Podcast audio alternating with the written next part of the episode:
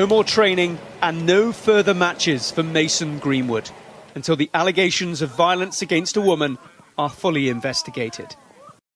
Ja, denne sag fra ugen, der er gået i den professionelle fodboldverden, har efterladt spørgsmålet, hvad er det med professionelle fodboldspillere, der ikke kan finde ud af at opføre sig ordentligt over for kvinder? Og hvem har egentlig ansvaret for at lære dem det? Det er nogle af de spørgsmål, vi søger svar på i øh, dagens program, når vi øh, om cirka et kvarter blandt andet taler med en tidligere professionel fodboldspiller om det her. Og med det, god eftermiddag og velkommen til Radio 4's kritiske sportsprogram, hvor vi hvert uge stiller skarp på politik, etik og alt det andet snask i øh, sportens verden. Vi forsøger dog også en gang imellem at hylde de sportsfolk, der er ægte, som tør sige, hvad de mener, og også tør give lidt af sig selv. Og i den forbindelse, der vil jeg gerne lige hylde øh, cykelholdet Team Astana. Det, øh, de er jo fra Kazakhstan, øh, og har for et par dage siden smidt øh, en rap-video på YouTube, hvor holdets ryttere hænger ud foran dyre biler i bedste rap-videostil, og rapper deres egen Astana-sang. Rap-kvaliteten, den er, som du måske kan gætte, lige så ringe som mine chancer for at slå Jakob Fuglsang i en bjergspurt. Men jeg elsker dem alligevel for det der med at leve lidt. Altså for ligesom at bare sige, nu gør vi det, også selvom vi ser, vi ser dumme ud. Det synes jeg godt, sportens verden øh, kunne bruge noget mere af. Vi tager lige lidt af Team Astana-rappen her. Kazakhstan team. This is Astana Kazakhstan team. Yeah. Looking fresh. We are ready to win.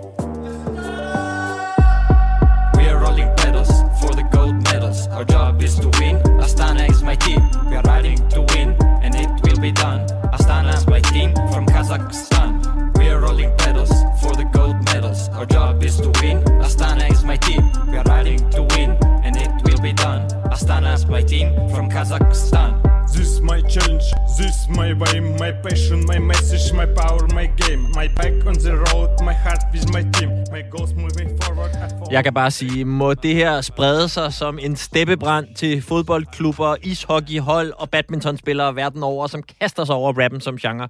Det vil jeg personligt sætte øh, kæmpe stor pris på. Og med det, øh, rigtig hjertelig velkommen indenfor, og lad os komme i gang med dagens program.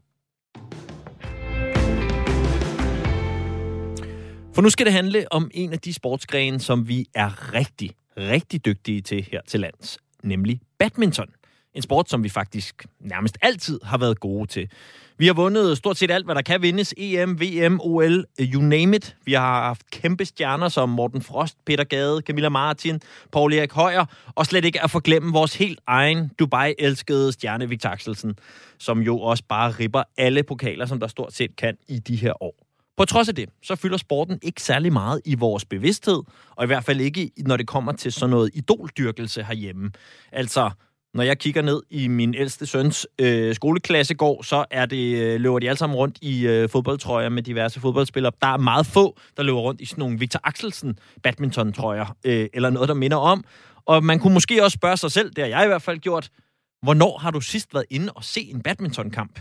Det har jeg ikke været Mm, jeg tror siden jeg var ni, og øh, min far og hans ven Karsten spillede i øh, Grønlandscenteret i Københavns Nordvest, hvor jeg tror sidst vidderligt, jeg øh, sad live og overværede en, øh, en badmintonkamp. Øhm, og ifølge øh, komiker og skuespiller Frank Vam, så er badminton havnet i de usexede sportsgrenes klub.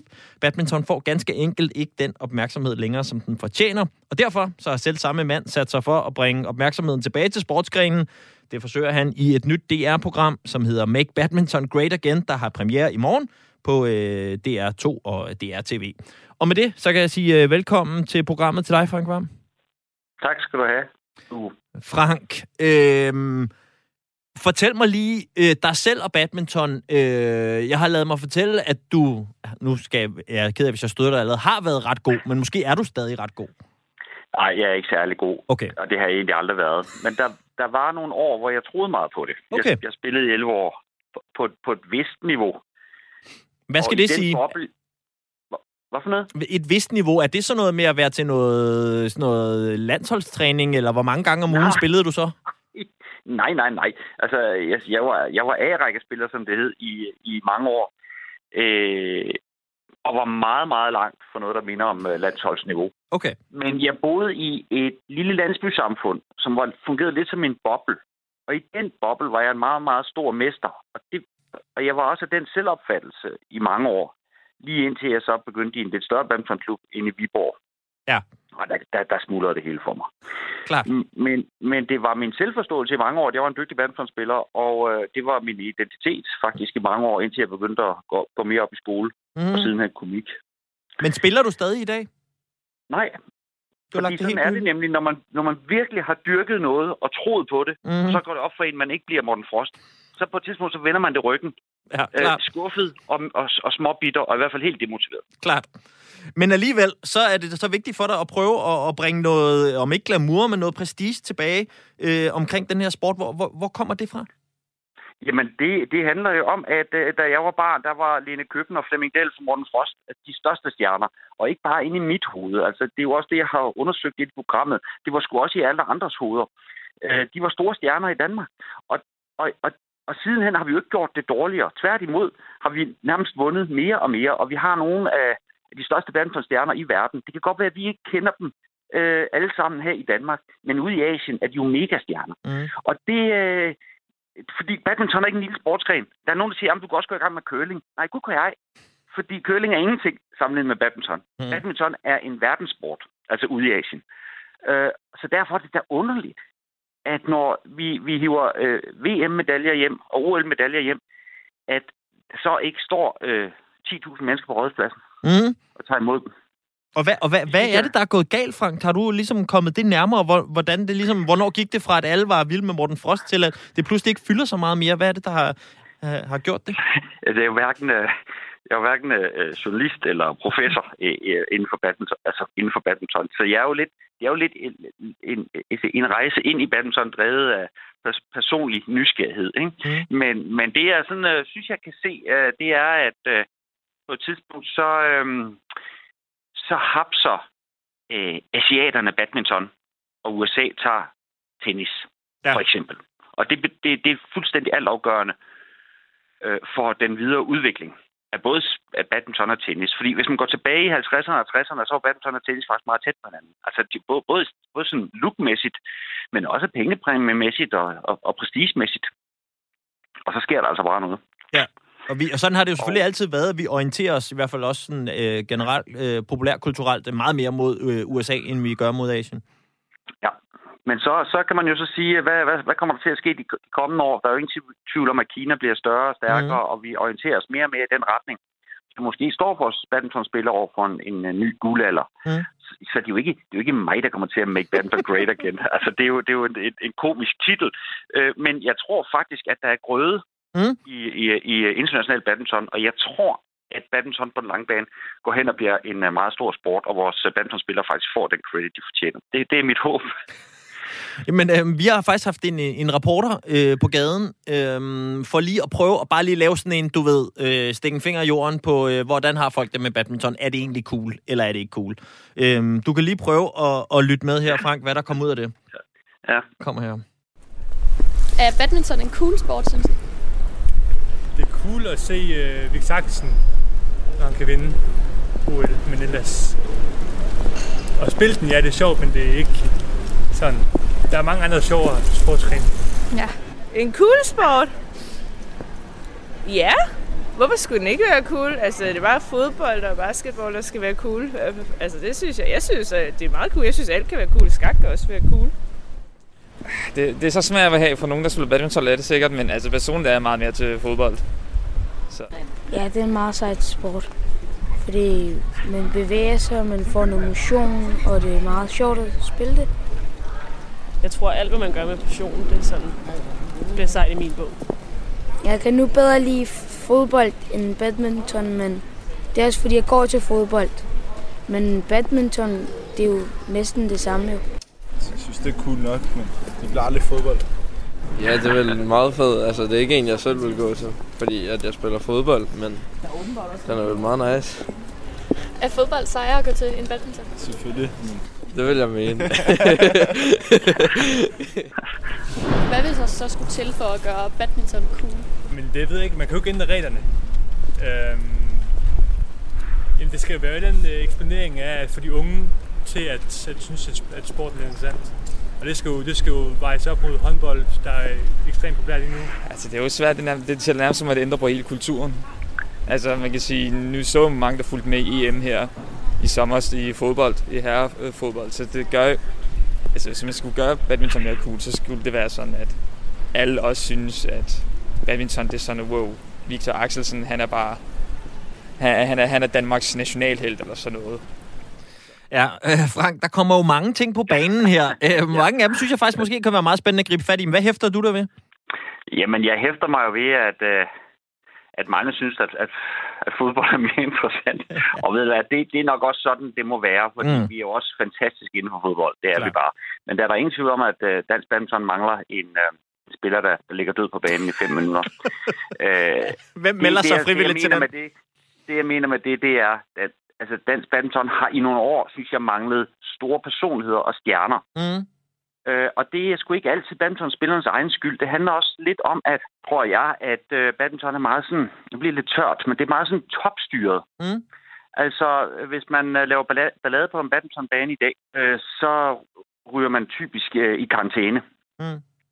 Øh, hvis det sker inden for, for tennis, for eksempel, så kan man være 100% sikker på, at vedkommende er med til næste turnering, fordi sponsorerne vil, have, vil da have ham den sjove, eller hende den sjove balladebærer med. Mm. Det, er en, det, er en, det er en stor forskel. Mm. Og, og der, der tror jeg, at, øh, at øh, vores badmintonspillere, de øh, øh, skal øh, være lidt mere farverige, og, og de skal have lov til at være lidt mere farverige, fordi det skal være sådan, at unge mennesker kigger på vores badmintonstjerner og, og, og ser nogle, øh, nogle, nogle spillere, som de synes er cool, og som de synes viser personlighed, og som ikke er bange. Klart.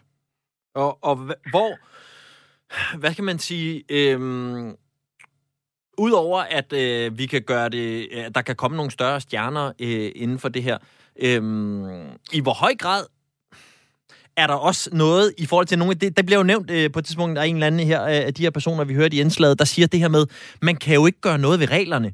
Men det kan man jo altid. Altså, det er jo ikke, vi har jo ikke gang i grundloven her. Det er jo bare nogle badmintonregler. Er der noget ja. der, hvor du ser plads til, at man kan gøre noget? Ja, men jeg ved, at, øh, at øh, både de danske spillere og danske badmintonforbund er interesseret i for eksempel at ændre, ændre på nogle regler, så det, så det bliver mere spillervenligt. Ikke? Mm. Men det kan være meget svært at komme igennem med, fordi øh, selvom Danmark er en stor badmintonnation, ikke, så er vi... Øh, så er vi jo bare en lille nation i forhold til alle de asiatiske lande, ikke? Og, øh, og igen, det, altså derude er det endnu mere topstyret. Derude er det jo altså nærmest nationer, der bestemmer, hvad, hvad, hvad de enkelte spillere skal klæde sig i, og hvad de må sige, og hvilke turneringer de skal deltage i, og hvad tøj de må gå med. Altså, så, så det, det er... Det, altså, jeg troede egentlig, da jeg gik ind i det her projekt, jamen det skulle da bare, du ved, at låne lidt fra tennis, og så komme der ud af, ikke? Mm-hmm. Men, men det, er, det har vist sig... Jeg, jeg, det er mere kompliceret end som så. Altså, vi er oppe imod nogle meget stærke kræfter, og... Øh, Hvad kaster du dig egentlig over i programmet så? Hvad, hvad, altså, hvad, bliver, hvad griber du ud efter i dit øh, forsøg på at, at gøre badminton lidt mere sexy? ja, ja, ja, altså, jeg, jeg griber altid ud efter mine gode venner. Ikke? Det, det, er jo det, det er jo det nemmeste, det er jo at ringe til nogen, der, der kan noget i min omgangskreds. Ikke? Jeg har blandt andet ringet til, uh, til Simon Kram og, ikke? og tryllet ham om at lave en, en hyldesang til dansk badminton. Ja. Fordi vi må ikke glemme, at programmet er jo altså fest og farver. Altså, og det er rigtigt nok, at vi, jeg, jeg peger selvfølgelig lidt på nogle problemer, hist og pist, men, men egentlig er det bare i bund og grund en fejring af badminton. Og Mm. der synes jeg jo, at badminton mangler en hyldesang, fordi altså, selv curling har en hyldesang. Vi kaster med sten. Ja. Badminton har ikke en eneste. Og jeg vil gerne have, at øh, de danske badmintonspillere har en fed sang og fyrer turneringerne i gang med. Så vi mødes i sådan en, en rockhold øh, halv en søndag morgen for at starte en turnering op. Mhm. Det giver også god mening. Bokserne har jo også deres at gå ind til og sådan noget, så hvorfor skulle de Det har de da. Ja. Det har de da. Det er da Volbeat har, han ikke har de ikke lavet noget til Kessler? Jo, det kan jeg love dig for. Ja. Jeg tror nærmest, de har hele albums dedikeret til ham. Øhm, Ja. Frank, Nej, men øh, det, det, jeg håber da på, at, øh, at der sidder øh, danske kunstnere derude, og sandelig også erhvervsfolk med penge i, Ja. i, i kassen, som, som kunne tænke sig at gå ind og støtte dansk badminton. øhm, når jeg siger sådan noget som paddeltennis, Ja, hvad, det tænker jeg, de er måske sådan lidt et, øh, en, en sten i skoen på en eller anden måde, eller, eller hvordan ser du det? øh, Altså, der er også noget at lære derfra måske, for det er jo i hvert fald blevet populært til synligheden. ja, men det er jo sådan for øh, eks-badmintonspillere, der, der, der frygter for deres øh, akillescene, ikke? De kan altså så over paddle, mm. men, men øh, øh, ten- tennisspillere gør jo også. Altså, Ja. Paddle er jo bare pisse sjovt. Jeg har ikke spillet det endnu. Jeg har faktisk booket i en tid af om 14 dage, så, så det kan da være, at når jeg har spillet her om 14 dage, at jeg så laver et paddelprogram i stedet for. Ved du hvad? Det vil vi glæde os til. Ej, i første omgang, så vil vi selvfølgelig øh, glæde os til at øh, kunne tjekke Make Badminton Great Again ud. Det kan man, hvis man er blevet nysgerrig efter det allerede fra i morgen af, inde på øh, DR øh, TV. Frank, når vi mødes igen om 10 år og gør status på badminton, hvordan tror du så, det ser ud? Jeg tror, det ser godt ud. Perfekt. Jamen ved du hvad, så behøver vi ikke mere for dig. Frank, øh, tusind tak, fordi du var med i dag. Ja, selv tak. Hej du. Hej.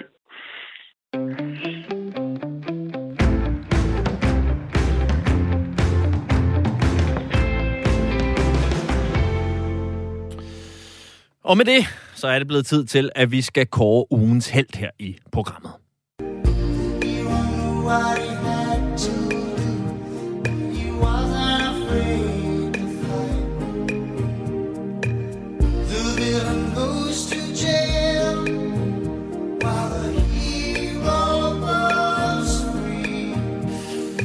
Miriam, kan det ikke blive, øh, fordi vi er jo et program, hvor vi ofte ender med at gå efter skurkene i sportens verden. Men jeg synes, at det er vigtigt også lige at hylde de her øh, få folk, der er tilbage enten på eller uden for banerne i sportens verden, som stadig bidrager med noget ægte og på en eller anden måde øh, stadig øh, holder deres sti ren.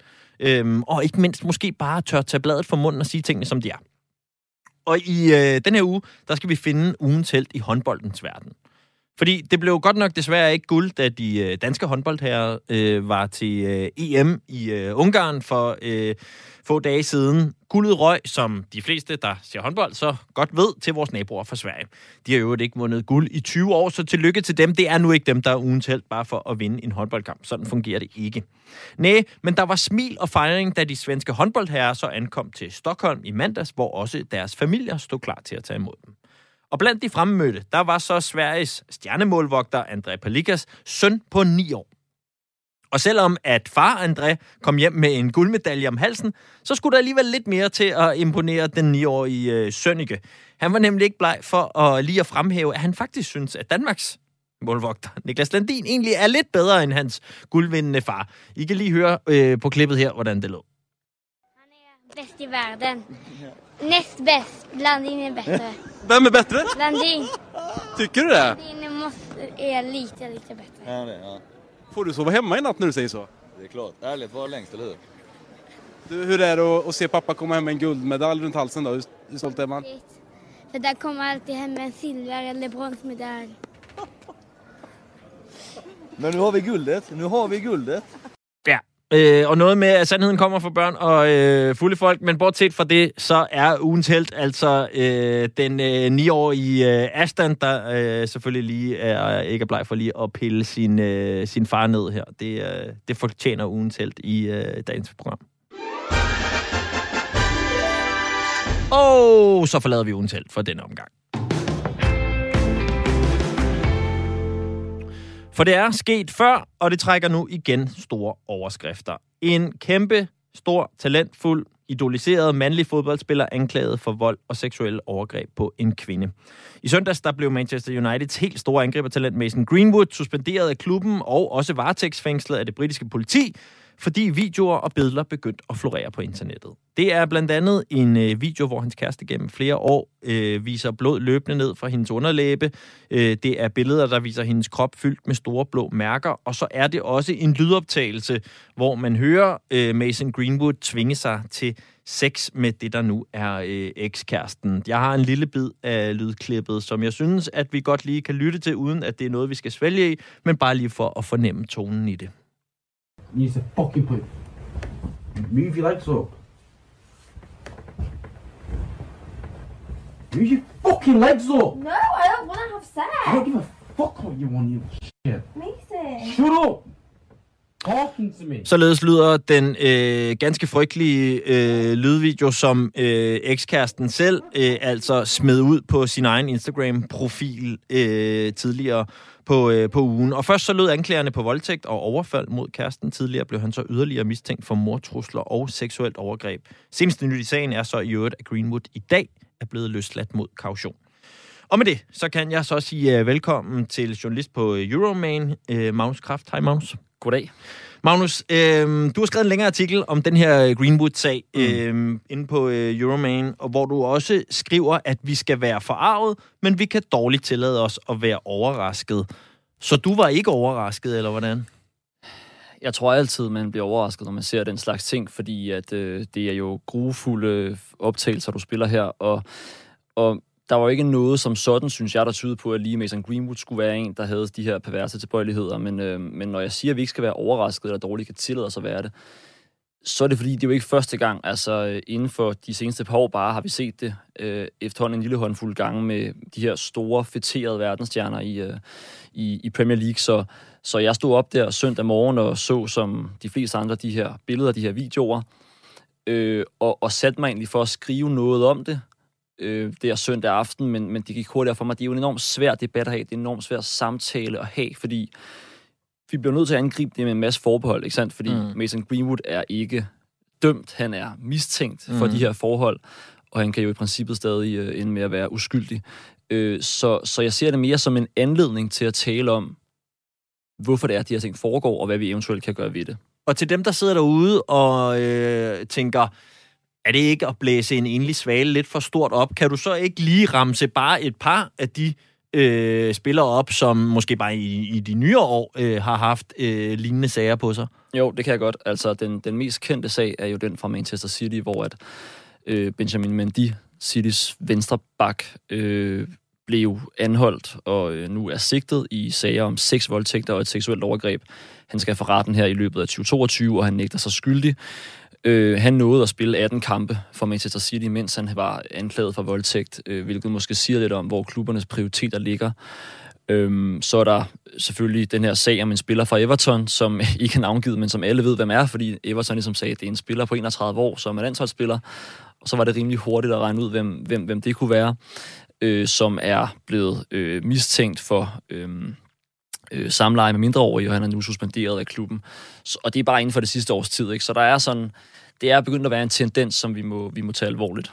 Og et af de andre fortilfælde, som du også hiver frem i, øh, i dit skriv, øh, det er øh, verdens måske bedste, eller i hvert fald øh, har været det, øh, Cristiano Ronaldo. Mm. Øhm, en mand, som jo så, altså bare lige for ligesom, fordi hyggeleriet jo altid, og selvindsigten ikke er så stor, når det kommer til Cristiano Ronaldo, kan jeg forstå, er stoppet med at følge Mason Greenwood på Instagram, ja, ja. Øhm, efter det her kom frem. Men han er jo så selv en mand, der har øh, et, et lidt uheldigt CV, når det kommer til lige netop sådan nogle sager her. Ja, og, men, men her bliver jeg jo igen nødt til at understrege med to store, tykke streger under, at manden er ikke dømt. Altså, der er, der er ikke fundet grundlag til at rejse sigtelse mod ham. Cristiano Ronaldos advokater, lad være med at komme efter Magnus. Præcis, det er præcis. det, han siger her. lige, lige, lige præcis. Men, Han har men, ikke men, men han, har, han har en alvorlig voldtægtsanklage ja. hængende over hovedet fra, fra 2009. En, en sag, som så først kom frem øh, flere år senere i forbindelse med det her Football Leagues læk, øh, hvor, at man, hvor man fandt, eller fik hacket sig til, var det jo så nogle forlisdokumenter fra 2009, hvor at det fremgår, at han øh, har skrevet under på nogle papirer, hvor han anerkender at have ja, altså haft anal samleje med en kvinde mod hendes vilje, selvom hun råbte nej og, og stop. Øh, så, så, så han har jo også, som du siger, et, øh, et blakket øh, CV. Og hvad er det i den sag, og lige med ham, der gør, at det er en af de ting, som du synes er værd at tage frem, når vi også prøver at snakke den lidt større debat ja. i forhold til fodboldverdenen og syn på kvinder? Ja. Altså, vi, de her ting er jo offentlige. Der Spiegel, det her store, tyske, meget anerkendte medie, har udrullet sagen, og øh, vi, vi kan jo se, hvordan den situation er blevet udfoldet. Men, men det er jo ikke noget, man taler om i Manchester United. Det er ikke noget, man taler særlig om i de britiske medier heller. Og det er heller ikke noget, man som sådan taler om i de danske medier. Der findes jo masser af kritisk dansk sportsjournalistik, som det, du blandt andet bedriver her. Men jeg, altså, jeg har bare oplevet, for eksempel, bare, det bliver jo anekdotisk, ikke? Mm. Men, men, men at mange har sagt til mig, om jeg anede slet ikke det med Ronaldo, eller, eller hvad det nu har været. Og det siger jo noget om, at måske har vi ikke været gode nok hos dem, som har rigtig mange seere, der mener jeg selvfølgelig især rettighedshaverne, Mm. til at omtale sager som dem her. Det bliver meget hurtigt et spørgsmål om, at Ronaldo har scoret x antal mål, eller Ronaldo vender hjem til Old Trafford, eller øh, vinkler som, som dem. Altså, Jamen, jeg hørte en øh, på redaktionen, lidt tragikomisk øh, tidligere på dagen, sige, øh, Mason Greenwood, han skulle jo bare lære Cristiano Ronaldo, og så vente med at voldtage kvinder til, at han er blevet verdens bedste, fordi så går sagerne til synlædende meget puff magisk væk. Der, der er i hvert fald, man må sige, i hvert fald, at der er i de her øh, sager et sådan et ulige magtforhold, øh, som også er værd at i tale det synes jeg. Altså, de her spillere har jo øh, råd til alle verdens advokater, og så er det jo enormt omkostningstungt for de kvinder, som så har mod til at stille sig frem, fordi spillerne har så mange fans. Øh, hende her, Catherine Mallorca, som, øh, som anklagede Ronaldo for voldtægt, øhm, hun begrundede det, at hun ventede så mange år med at gøre det i, i deres spiegel, men hun simpelthen var bange for at blive chikaneret af, af, af Ronaldos mange millioner fans. Øh, så, så det er jo en enormt omkostningstung procedure for de kvinder. Og hvor er det så, du ser, at der er et loophole, eller mm, rettere sagt, hvor der er plads til, at klubberne kan gå ind og fylde noget mere og gøre noget mere her for at klæde nogle af de her unge mænd, som det jo er på, i forhold til øh, det, der ellers øh, måske ligger i det, vi andre vil sige er forældrenes ansvar. Altså bare at være øh, opdraget til at opføre sig ordentligt over for både mænd og kvinder. Ja, altså der, der, der er to ting. Der er både noget med, hvordan man, hvordan man handler i situationer. Altså for eksempel, nu har jeg lige haft øh, lupen på, på Manchester United, og dem kan vi godt kigge videre på, sådan set, fordi øh, for eksempel Ryan Giggs, den spiller i Uniteds historie med allerflest kampe, er jo også står også foran en retssag for, for vold mod sin ekskæreste, som man skal, skal, skal i retten for her til august. Øh, og han blev jo så opsagt som Valises landstræner. Han blev fjernet fra den her øh, Hall of Fame-ordning i, i Premier League.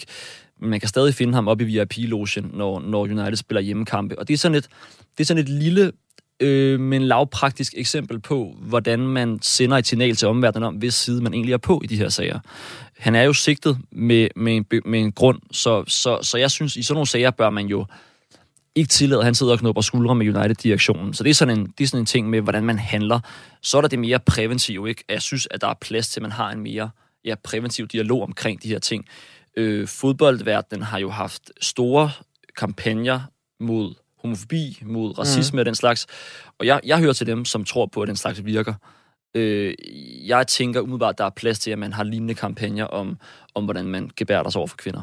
Jamen altså, øh, bare øh, som en, der engang imellem kommer på et fodboldstadion, så oplever jeg da helt klart, at det har rykket noget ved, at der er helt klart, det er mindre, øh, der er en større regning, hvis du stiller dig op på et fodboldstadion i dag og råber bøsserøv, Absolut. end der var Ja. bare for fem eller ti år siden. Der er flere mennesker, der reagerer, og flere mennesker, der kigger underligt på dig. Måske endda nogen, der ligesom øh, prøver at i rette Mhm, dig. Øhm, så helt klart, det, det gør et eller andet. Øhm, men er der også et aspekt, sådan som du ser det, i sådan noget, altså at klubberne simpelthen kan tale direkte til deres spillere? Altså præventivt, det her, det er jo også noget om, hvordan gør man så, når de brødne kar viser sig, hvordan får man dem øh, Jo. sådan udskældt nok? Helt men klart. hvordan fanger man det i opkøbet? Jamen, jeg, jeg tror den set, at klubberne gør alt i deres magt for at uh, skole de her spillere, fordi man skal jo huske på, det er kun i, uh, i klubbernes interesse, at spillerne holder sig på, uh, på dydens smalle sti. Øhm, så, så jeg tror mere, det handler om, hvordan, hvordan klubben agerer. Altså, når, når, når Greenwood spiller i angrebet med Ronaldo, og kan se Ryan Giggs sidde oppe i VIP-logen, hvilket signal sender det så til ham, om, øh, om hvis side United er på i, i sager som dem her. Så, så i forhold til spillerne, så gør de selvfølgelig meget, øh, klubberne, især også for at, øh, for at uddanne akademispillerne til, til gode mennesker, fordi det er kun i deres egen interesse.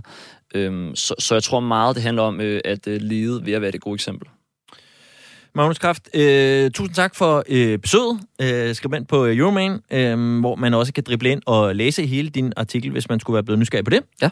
Øhm, derudover så er du meget velkommen til at blive hængende her i studiet, fordi øh, nu skal vi faktisk tale med en tidligere professionel fodboldspiller og nuværende agent, Niklas Jensen, øhm, for at lige prøve at blive lidt klogere på, øh, hvad det egentlig er, der foregår op i hovedet på nogle af de her unge fodboldspillere, når de kommer, når de kommer til at blive kæmpe store øh, stjerner. Det gør vi øh, lige straks. Yes, og øh, jeg skal lige finde den rigtige øh, kanal. Ja, Niklas Jensen, kan du høre mig her?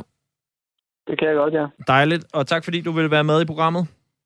Så lidt. Niklas, du har jo spillet i øh, kæmpe store klubber selv, Manchester City og Fulham, og er i dag også agent for spillere i store klubber, blandt andet Arsenal og Brentford og flere andre, øhm, og har jo på ingen måde direkte forbindelse til denne her øh, sag, men kender i hvert fald til spillet på og ude for banen, og jeg øh, kunne rigtig godt tænke mig at prøve at blive lidt klogere på psykologien op i nogle af de her unge fodboldspillers hoved. Måske ikke nødvendigvis lige kun Mason Greenwood, men også øh, hvordan det er at pludselig blive sådan en kæmpe verdensstjerne i, øh, i, i fodbold. Øhm, altså, men hvis vi starter med, med, med Greenwood, ikke?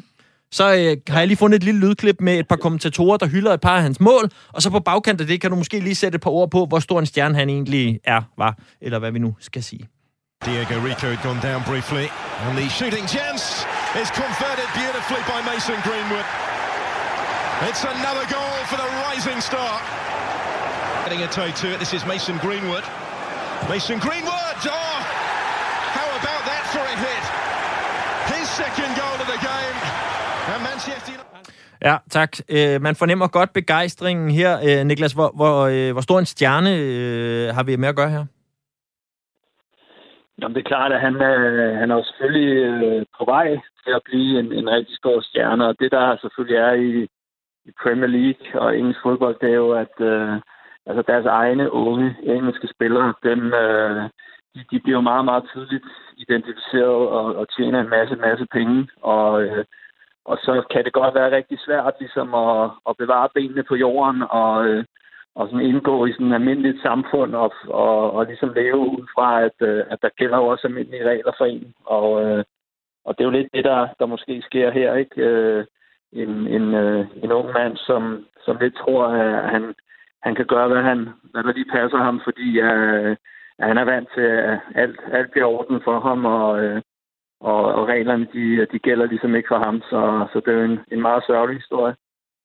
Og, og Niklas, kan du ikke prøve, øh, som en, der selv har været igennem det, øh, og haft øh, din gang også, øh, hvor nogle af de her kæmpe, kæmpe, kæmpe store stjerner er, og fortæl os lidt om, hvad er det der for en boble, man kommer ind i? Øh, det kan jo være svært at forstå, hvis øh, man er en helt almindelig person, hvor at, øh, opmærksomhedsniveauet, det piker på ens fødselsdag, hvor familien er samlet og synger fødselsdagssang. Hvad er det for et pres, der ligger?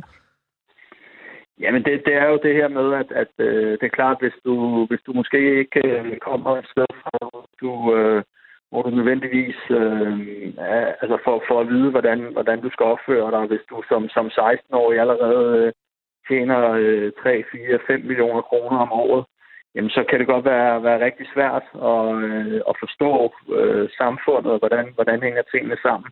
Fordi du lever sådan en, en parallel verden, hvor du lige så snart du er i fodboldklubben, jamen så bliver du tilbedt, og, øh, og folk vil have dine autografer og dine trøjer, og du, øh, du kører en Range Rover, når du bliver 18 år, og alle, alle vasker dit tøj, og alt kan lade sig gøre, og får du en, øh, en fartbøde, jamen så kan du give ham en, en trøje og en autograf, øh, den her betjent, hvis han ellers er fan af klubben og så videre.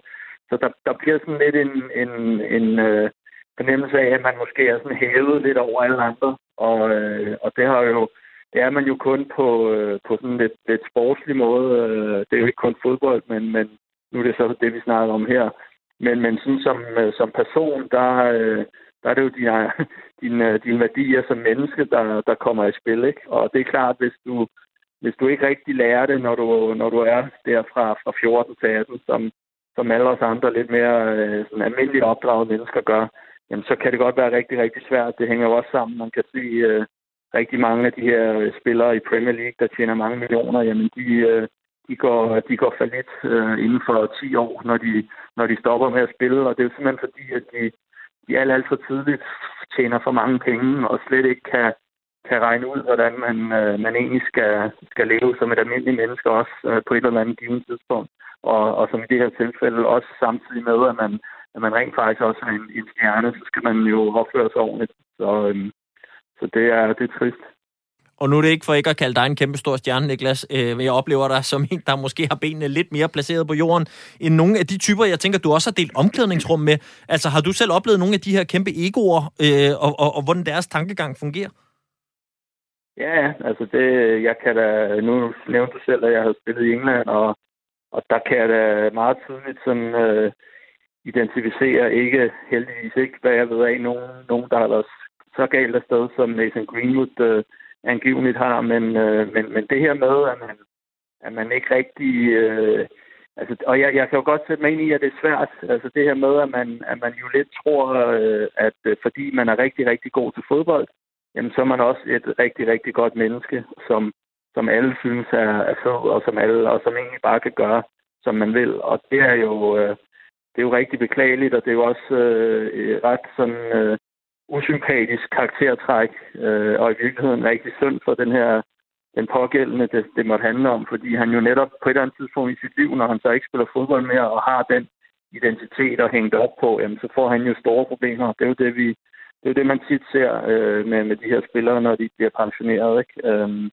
så jo, jeg har, jeg har siddet i, i mange omklædningsrum, hvor, øh, hvor vi har diskuteret og snakket lidt om, hvordan man, man jo egentlig bør opføre sig, og det der er jo ikke i orden og så videre. Bare fordi, at man, er god til fodbold eller et eller andet, jamen, så, øh, så skal man jo stadig, øh, stadig opføre sig ordentligt. Så, så det kan jeg, det kan jeg sagtens ikke, øh, ikke genkende til.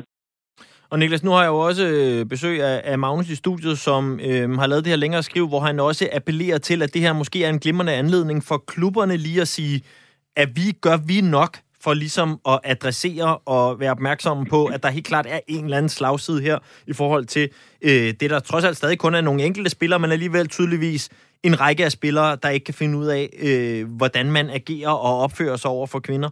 Øhm, er du enig i det, at det ligesom er en god anledning til at sige, der er måske plads til, at klubberne kan gøre mere?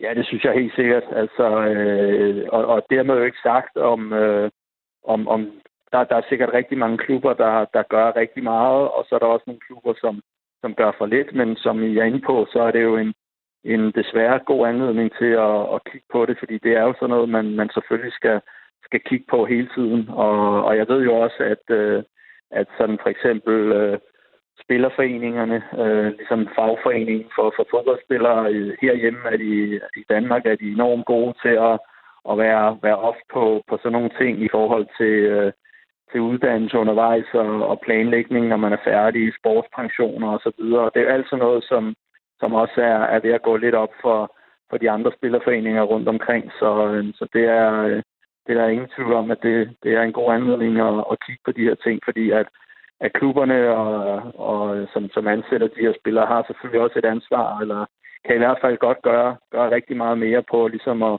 også at uddanne øh, nogle af spillerne lidt, lidt bedre menneskeligt, end, øh, end de måske gør i, i en del klubber. Og øh, din egen rolle som agent, øh, ser du dig selv som havende et, et ansvar for at sikre dig, at øh, de spillere, du er agent for, at, øh, at du gør dit for at klæde dem på i forhold til, øh, hvordan man opfører sig?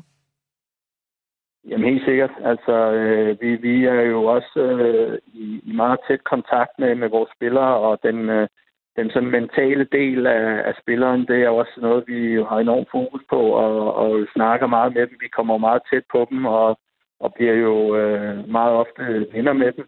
Så det er jo logisk, at hvis de, øh, hvis de lige, lige pludselig begynder at gøre nogle ting, som, som slet ikke er, er forenlige med, med et at være fodboldspiller, men jo så også bare decideret bryder loven, jamen så, øh, så har vi selvfølgelig også et, et ansvar for, og det, det er ikke vores ansvar, om det sker nødvendigvis, men, men vi har da helt sikkert et ansvar for at prøve at, at se, om vi ikke kan, kan hjælpe til at støtte op, og, og se, om vi kan få, få løst, hvad der, hvad der så i givet fald må, må have gået galt. Så, så det, er, det er da noget, vi helt sikkert er, er meget opmærksomme på.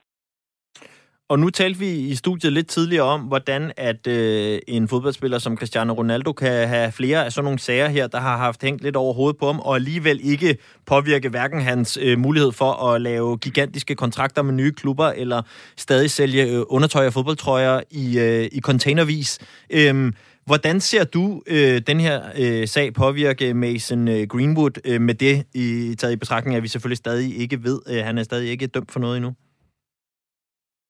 Nej, det er rigtigt. Det må vi selvfølgelig, selvfølgelig vente og se, men, øh, men det her er jo selvfølgelig øh, ja, meget alvorligt, og, øh, og, og det er klart, at hans, hans fodboldkarriere bliver, bliver indtil der foreligger en, en dom, at den selvfølgelig øh, fuldstændig sekundær og, og ligegyldig, ikke? Og, og man ser selvfølgelig også, øh, at det, er det Nike og nogle af de her computerspil, der, der med det samme er ude og tage afstand fra det og fra ham, ikke? Og, øh, og det, øh, ja, det kan man jo mene om, hvad man vil, men, men det er klart, når der, når der så kommer en, en dom omkring det, og, og den så i givet fald er, er udstået, jamen så, så skal han jo til at, at tænke over øh, fodboldkarrieren igen, og, og så til den tid må man jo så se, hvad, hvad, kan, det, hvad kan det blive til, og hvordan, hvordan agerer han selv i det, og, og alle de her ting, det, det må tiden jo vise. Men, men lige nu, der, øh, der er der i hvert fald ikke ret meget, øh, der sådan fodboldmæssigt øh, skal, skal koble sammen med ham, tror jeg. Det, det, det, der, der går noget tid, før det bliver aktuelt igen. Niklas, tusind tak for, at øh, du var med i programmet i dag.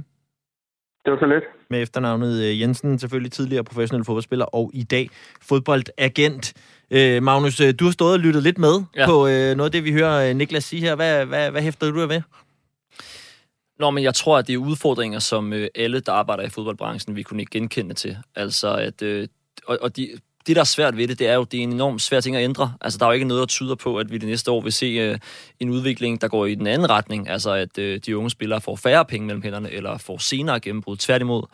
Øh, så det er jo bare en, en problematik, som, som risikerer at blive meget større, hvis ikke at man ligesom afvejer det ved, ved, ved hjælp af nogle, nogle andre mekanismer, ikke? for eksempel bedre oplysning. Og det blev øh, det sidste ord i øh, den her sag, Magnus Kraft. Endnu en gang tusind tak for øh, besøget. Selv tak. Journalist på øh, Euroman. Og med det, så bevæger vi os videre til øh, noget ganske andet, men dog alligevel stadig på en eller anden måde i øh, fodboldens verden, i hvert fald på en skærm. Fordi det er måske ikke gået mange snæser forbi, at den engelske fodboldklub Newcastle United blev den rigeste fodboldklub i verden i oktober sidste år, fordi at øh, Saudi-Arabiens offentlige formuefond spyttede det, der ligner 2,7 milliarder kroner i den engelske Premier League-klub. Det fik masser af overskrifter og masser af snak. Og for at det ikke skal være løgn, så er Saudi-Arabien så nu igen ude med den store pengepunkt. Denne gang endnu større end sidst. Fordi det svenske firma MTG solgte nemlig i sidste uge deres e-sports-platform ESL og Faceit for over 10 milliarder kroner til Savvy Gaming Group, der ejes af den helt samme fond, altså saudiske fond, der købte Newcastle. Et beløb, der er næsten tre gange så meget, som hvad de investerede i fodboldklubben i oktober, og alligevel så har det fået relativt lidt opmærksomhed. Det vil vi selvfølgelig det ville vi selvfølgelig gerne gøre noget ved her på programmet, og derfor så øh, greb vores reporter Sara øh, Knoglen tidligere i dag og ringede til Christian Slot. Han er nemlig til daglig chefredaktør på det digitale e-sportsmagasin Jackson, og han er bosiddende i Berlin, og han er derudover også tidligere presseansvarlig for det danske e-sporthold North. Så han har om i den grad øjnene på øh, e-sport og også på det her øh, opkøb. Øhm, og derfor så tog Sara fat i ham for at blive lidt klogere på, hvad der ligger bag den her saudiske gigantinvestering. Og hvad er det egentlig, øh, Christian, de har købt? Hvad er det, øh, ESL og, og Faceit helt konkret øh, laver? Ja, det er jo et, et meget interessant øh, opkøb, som Saudierne har gjort sig. Mm. ESL øh, og Faceit er to af de, øh, de allermest interessante øh, e-sports virksomheder, hvis man kan sige det sådan. ESL det er den her slags e-sportens svar på Champions League, øh, som mange lyttere måske kender, hvis de har set Zulu eller Twitch. Øh, ESL er den, der arrangerer de allerstørste turneringer. Og Faceit øh, på den anden side er ligesom sådan en slags online skolegård, hvor du og jeg kan gå ind og, hvis vi mangler nogen at spille med, øh, kan team op med hinanden øh, og finde øh, og finde modstandere. Så det er lidt, det er lidt to forskellige øh, virksomheder, hvor ESL er, er, er den her Champions League, og Faceit er græsrødderne og amatørerne, som, øh, som, som, skal, øh, som, som finder hinanden på den her online platform. Mm. Og Faceit, øh, det er måske en, en virksomhed, som er ukendt for de fleste, men den har rent faktisk op på 20 millioner brugere, øh, så der er et kæmpe potentiale i den virksomhed. Hvad, hvad, hvad, hvad tror du, at deres interesse har været i det? Hvorfor lige, hvorfor lige de to?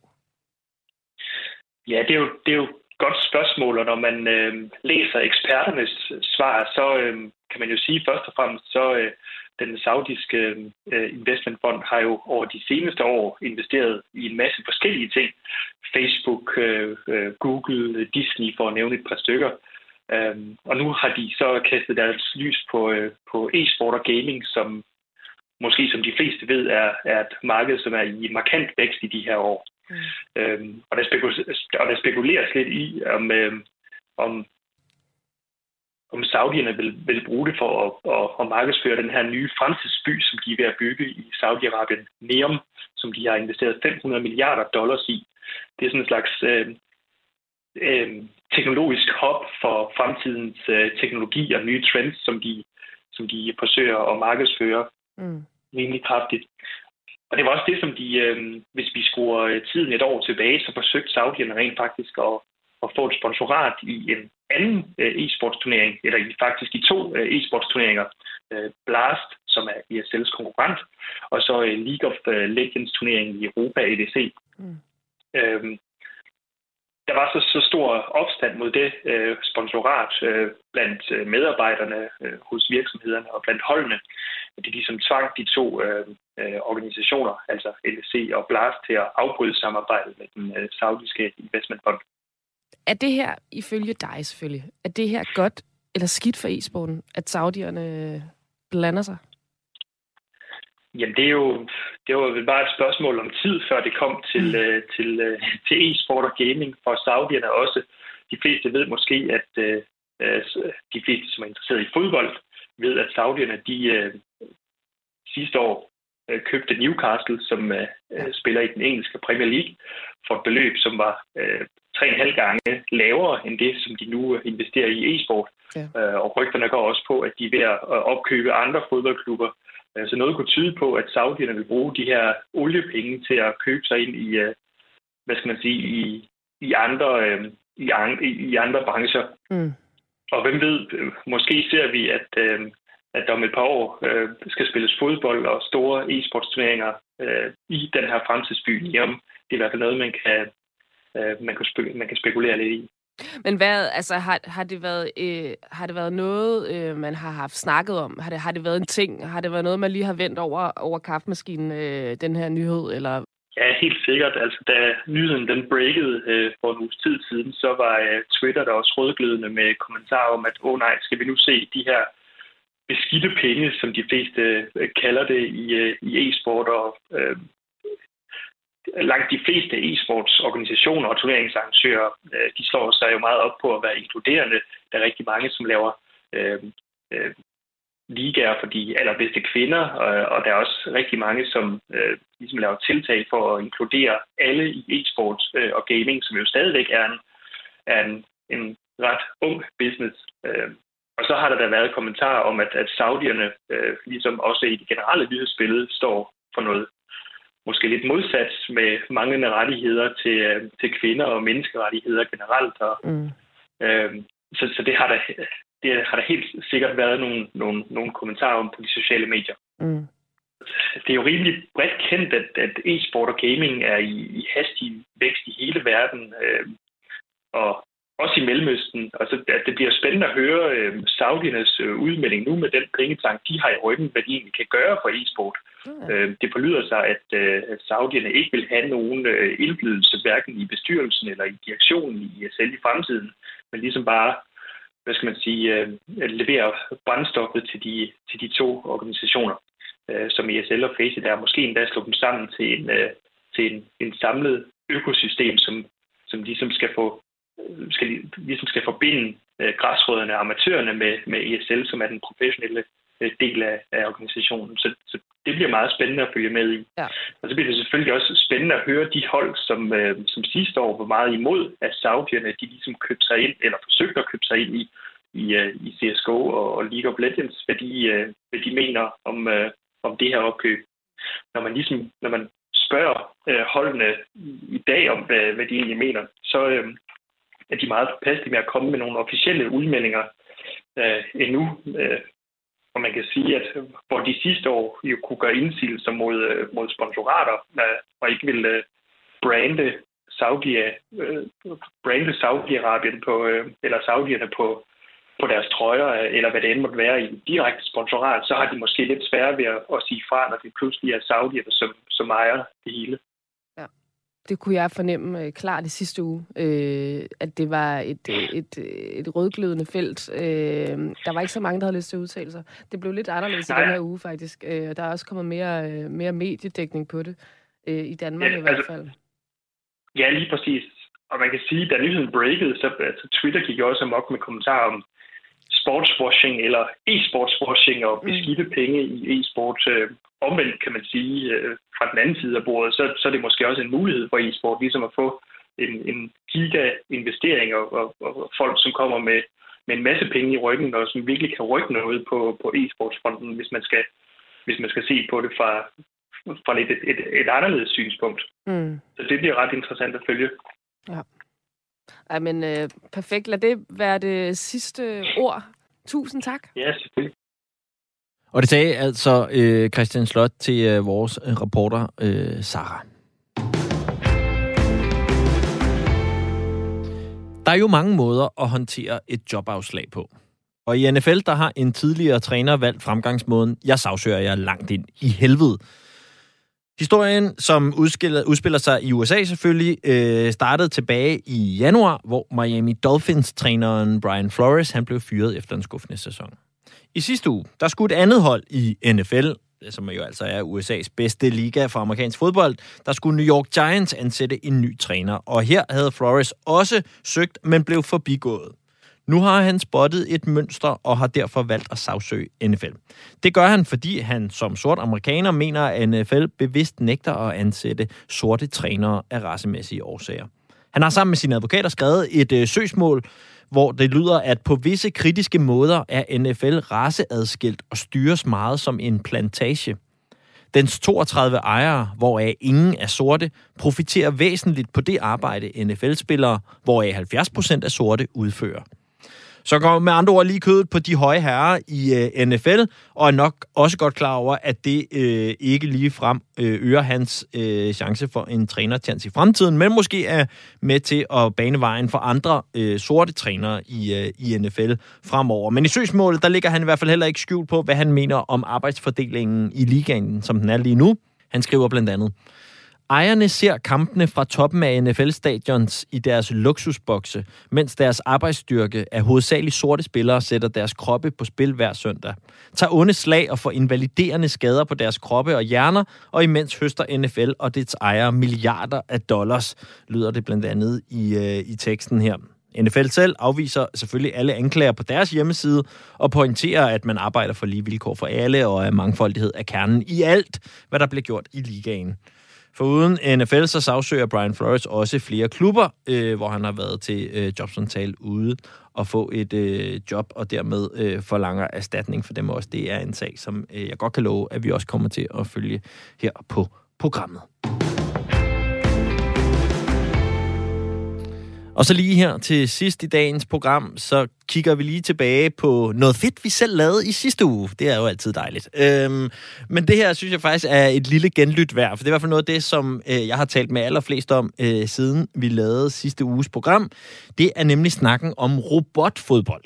Fordi i sidste uge, der talte vi med professor i robotteknologi og også øh, tidligere verdensmester i robotfodbold, Henrik Havtrup Lund, og der var masser af ting, som han sagde, som kom bag på mig, blandt andet det her med, at allerede nu kunne han i teorien stille et fodboldhold, som kunne vinde, et robothold, der kunne vinde over det danske landshold af mennesker øh, i en øh, fodboldkamp. Dog nævnte han så, at det ville måske gå lidt ud over bentøjet på de øh, danske fodboldspillere. Øhm, og hele interviewet kom så af, at vi havde en snak om det her med, at det er robotfodboldens mål at kunne slå VM i det, jeg kalder rigtig fodbold, inden og 2050. Og det var det, vi øh, blandt andet talte om. Øhm, og øh, jeg synes bare lige, I skal høre en lille bid med øh, Henrik. Øh, vi kommer ind i interviewet, der hvor han er ved at fortælle om, da han selv i tilbage i 2002 vandt VM i robotfodbold. Jamen, det var i, det var i Japan.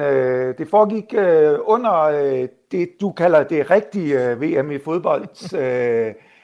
afholdelse. Dengang blev det spillet i, i Korea og Japan.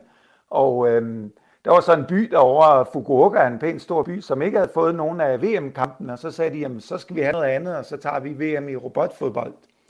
Og så blev det afholdt i den store, øh, de har sådan en stor øh, øh, dome-hal, som, øh, som de ellers bruger til, øh, til alle deres sportsgrene, og øh, det blev så vores øh, robotfodbold, så, så det var en kæmpe turnering derovre øh, i de... Øh, øh, der hvor vi øh, spillede øh, med vores robotter, øh, finale, vi havde øh, over de tre dage, hvor vi spillede, der havde vi 120.000 øh, tilskuere. Sådan. Øh, og, altså, og Henrik, øh, nu kalder jeg dig jo verdensmester, og det er jo enormt imponerende, men så slår det mig jo pludselig, det er jo robotterne, der gør alt arbejdet. Hvad er egentlig din rolle i sådan en kamp?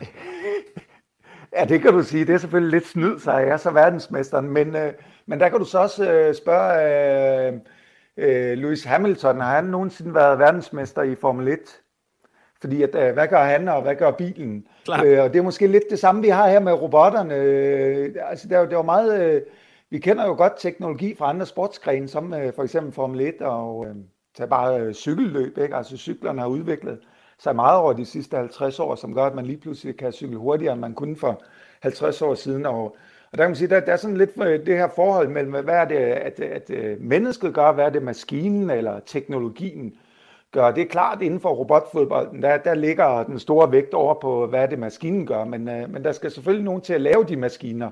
Og det er jo så her, at sådan nogen som, som jeg kommer ind i billedet, og alle mine gode ingeniørkollegaer, som, som prøver på at, at skabe de her robotter og få dem til at, at bevæge sig øh, bedst muligt og kunne, øh, kunne stå på øh, to ben og, øh, og kunne, øh, kunne reagere hurtigt på de ting, som der sker og øh, finde ud af, øh, hvad, hvordan, øh, hvordan øh, koordinerer man handlinger med hinanden og så videre. Det er det er det var alt sammen noget hardware og noget software, som, øh, som skal udvikles, og som vi udvikler. Og så kan man sige, når, når vi så har udviklet det, og vi øh, har, har lavet vores, øh, vores kunstig intelligens øh, til at styre robotterne og så videre, og så trykker start, jamen så, så kører de så for sig selv. Og så er du ret i, jamen, jamen hvad laver jeg så der? Jamen så er jeg jo lidt ligesom øh, Kasper Julemand, der står øh, ude på sidelinjen og hiver mig i håret, hvis at, øh, de ikke lige gør det, som de skal gøre. Det sagde altså Henrik Hautrup øh, Lund, der er professor i robotteknologi og selv gammel verdensmester i robotfodbold. Vi når ikke mere i dagens program. Vi gør plads til en stak dukfriske nyheder fra nyhederne her på Radio 4. Værsgo.